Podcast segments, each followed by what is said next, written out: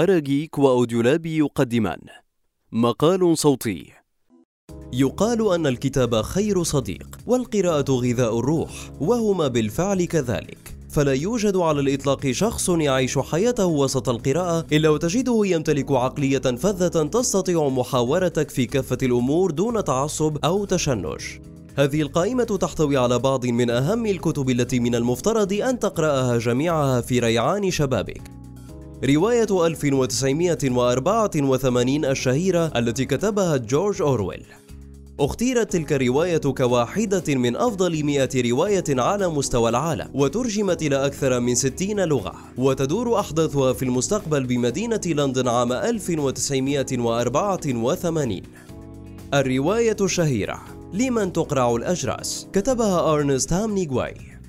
صراع العواطف الإنسانية. الحب والخيال والفقر والغنى والحروب بويلاتها والنزاع بين العقائد والمثل. كتاب الحرب والسلم للكاتب ليو تولستوي. هذه تحفة الهائلة تروي قصة المجتمع الروسي في عهد نابليون. يتكون الكتاب من أربعة أجزاء. كتاب العقد الاجتماعي للفيلسوف الكبير جون جاك روسو.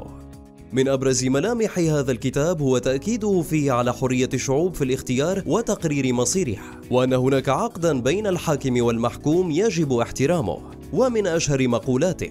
ولد الإنسان حرا طليقا ومع ذلك فهو مثقل بالقيود في كل مكان. ولرب رجل يتوهم أنه سيد الآخرين وهو لا يدرك أنه يرسف في أغلال من العبودية هي أثقل من أغلالهم.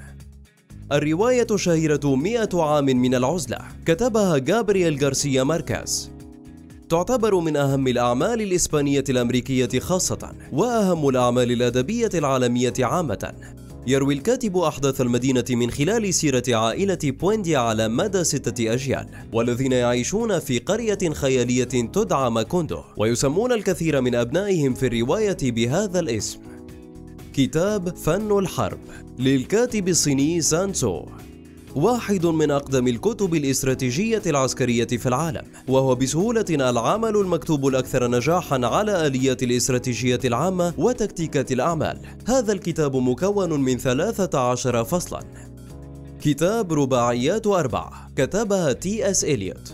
هو اسم كتاب لأربع قصائد مرتبطة ببعضها. نشرت بشكل منفرد بين عامي 1935 و 1942 خلال الحرب العالمية الثانية. رواية الحارس في حقل الشوفان كتبها دينار سالينجر. هذه الرواية تعتبر رمزا لتمثيل تقلبات سن المراهقة بدقة من القلق والتحدي والتمرد، وهي بمثابة تذكير للعقلية في سن المراهقة التي لا يمكن التنبؤ بها. الجريمة والعقاب للكاتب الروسي فيدور دوستويفسكي. تدور قصة رواية حول جريمة قتل الشاب الجامعي الموهوب راسكولينكوف للمربية العجوز وشقيقتها والدوافع النفسية والأخلاقية للجريمة. رواية لوليتا للكاتب فلاديمير نابوكوف.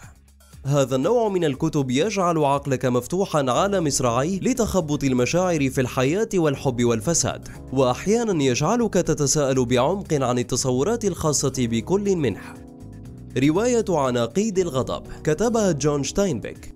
يروي الكاتب قصة لامس من خلالها أوضاع الأسر النازحة وأفرادها الباحثين عن عمل في دولة مليئة بالاكتئاب والغضب إبان الحرب الأهلية الأمريكية.